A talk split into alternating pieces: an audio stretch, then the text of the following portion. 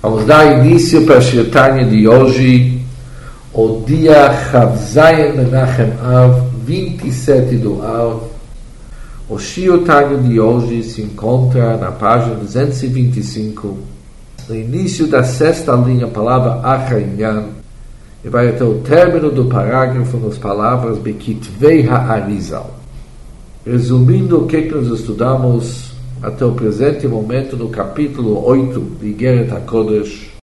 Ele traz aquele que está escrito no Gumará que Rebeliezer, antes dele iniciar sua reza, ele dava uma moeda para um pobre e somente depois rezava.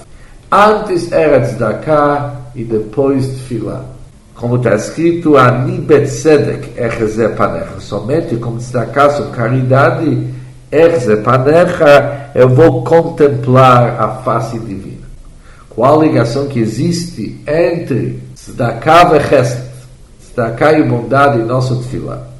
Estudamos que as revelações que nós recebemos durante a tefilá, as inspirações divinas que nós captamos durante nossa tefilá, eles são um tipo de tzedakah que a Kadosh Baruch faz conosco.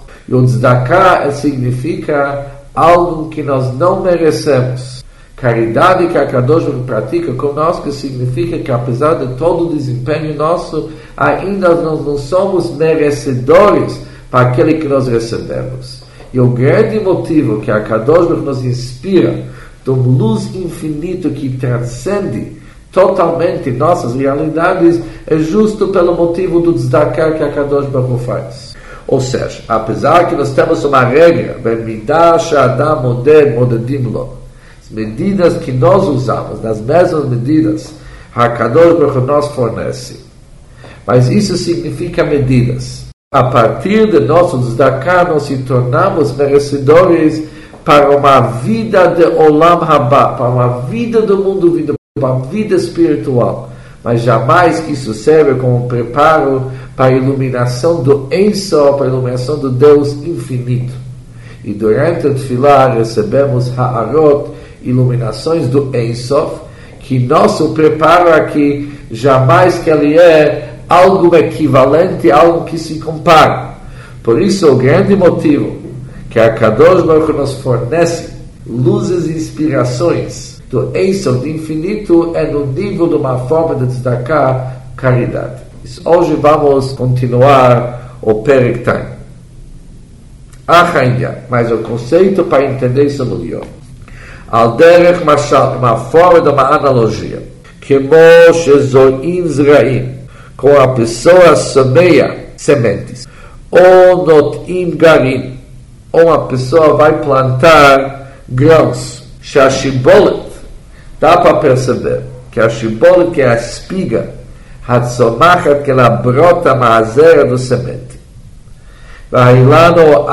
O perotar de seus frutas, que eles brotam mahagarim, do grão que foi plantado. Einam mehutam vatzmutam shel hazera vahagarim klam.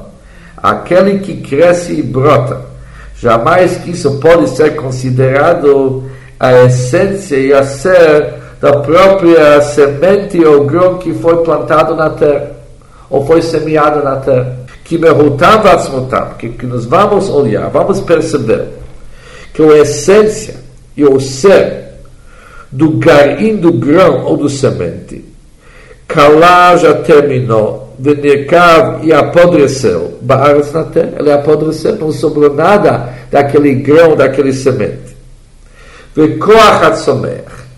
E a força que existe na terra para fazer crescer. שבארץ עצמה que se encontra na terra, הוא המוציא והמגדל. É a força de crescimento que se encontra na terra. Justo aquela força quem que é responsável para de fato fazer que uma chibot, que uma espiga cresce ou uma ilava perotav, ou que a árvore brota e as frutas crescem. Se nós vamos olhar quem que é responsável pelo ilã, árvore, quem que de fato é a causa para as frutas, vamos dizer que existe, Deus colocou uma koach uma força de crescimento na terra. E justo pelo esse Koach Hatzomeach, por isso temos os resultados como Ilan árvores, ou plantas, ou espiga. Rak. Sheino é bom saber, o Koach Hatzomeach, ele não trabalha, ele não funciona sozinho. Aquela força de fazer frutos da terra e produtos da terra crescer, ele somente faz seu trabalho. E não motzim galeco, jamais que ele vai revelar sua força de chutz, verhakoach elapó, da potencial para a prática. Somente que im alidei hazera vagare. Somente quando temos semente, um grão que eles por sua vez vão apodrecer na terra. Vekalá vai ser extinguido toda sua força. Vai se extinguir, vai terminar sua própria força daquele grão e semente na terra. Vão se unir com Koach Hatzomer. Ou seja, o Koach Hatzomer, a força que existe na terra para fazer crescer, ele somente funciona quando tem algo que desperta ele. Precisa um fator que desperta. Quem desperta o Koach Hatzomeach? Quando colocamos um garim, semente, um grão na terra, e ele apodrece, o fato de apodrecer significa que toda a força que existe naquele grão, que existe naquele semente, ele se inclui, ele vai fazer parte do Koach Hatzomeach, da força de crescimento. Quando ele se junta com Koach Hatzomeach, isso desperta o Koach Hatzomeach para ele iniciar o processo de dar crescimento tanto para as árvores ou para as espigas e para todos os produtos da terra. Vale dizer, somente através de unir-se o prato, o detalhe daquele zera, daquele semente, ou aquele grão individual particular, como o claro, como o geral da Koach da força de crescimento que existe na Terra. E através dessa união, Motzi Koach Hatzomeach et Apoel. Aquela força de crescimento que existe na Terra. Ele vai executar aquele que existe em potencial para descer no nível prático. O que que significa um nível prático? Mas ele vai fornecer Hayud vitalidade, legadel shibolet, para crescer uma espiga que é hazer, igual e idêntico, no mesmo, mesmo estilo, da mesma personalidade que teve aquele zer, aquele semente. Ou seja, se o semente é de trigo, por exemplo, vai crescer uma espiga de trigo. Aval, uma coisa é clara, não é somente me dá que nega me dá, não que vai crescer uma semente só. בריבוי הרבה מאוד. Um semente do chitá, do trigo, vão crescer muitos sementes do chitá numa espiga só. Vechem perot também muitas frutas sobre a mesma árvore. Não somente que de uma fruta vem mais uma fruta, de, uma, de, um, de um grão, de um semente que é semeado ou é plantado na terra, cresce uma árvore inteira com muitos frutos. E não é somente uma diferença em quantidade. וגם מהותה ועצמותם, a própria essência, a própria estrutura das frutas, ele é muito mais elevado, ele é muito mais poderoso, ואילוי רב ועצום, mais em quantidade, melhor em qualidade, lemala, mala, muito acima daquele semente que foi plantado. Ou seja, não é somente que de um garim, de um semente, vem muitos frutos, mas eles são num estilo, num nível muito mais elevado, que de um garim, de um semente que não tem gosto, vão brotar e vão crescer frutas que têm um bom gosto e um bom proveito.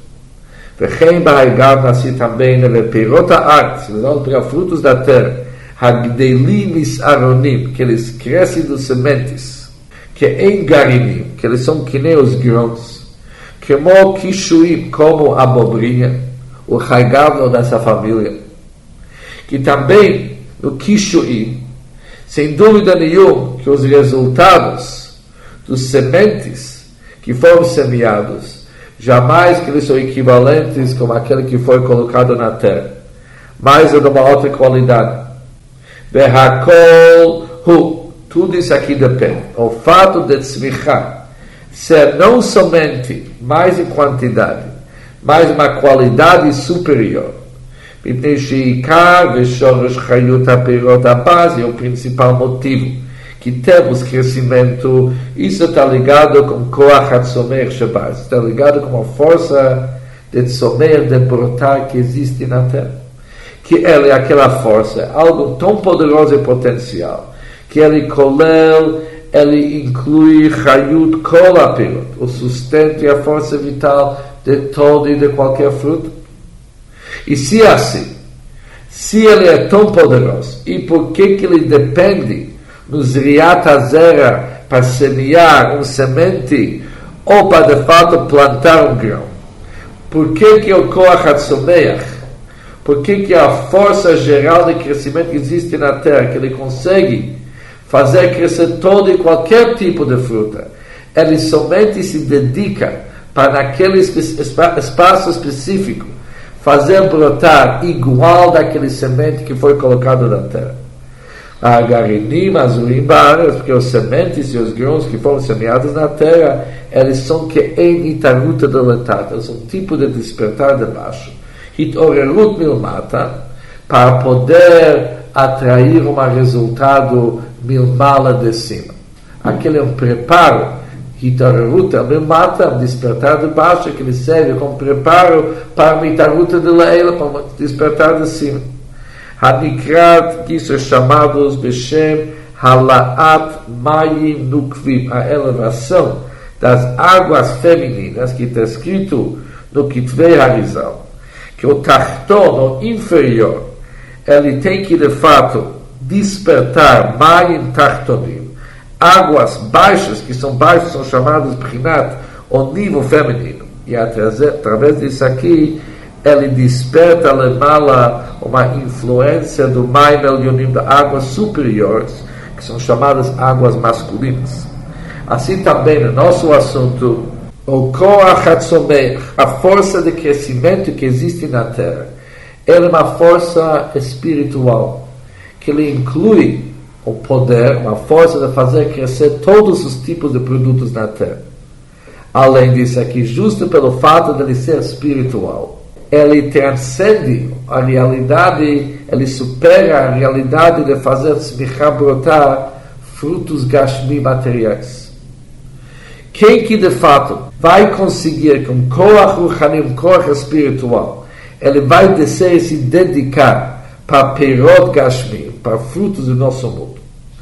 E quem que vai conseguir que o prato de um tapua, de uma maçã, por exemplo, ele vai despertar somente aquele detalhe individual.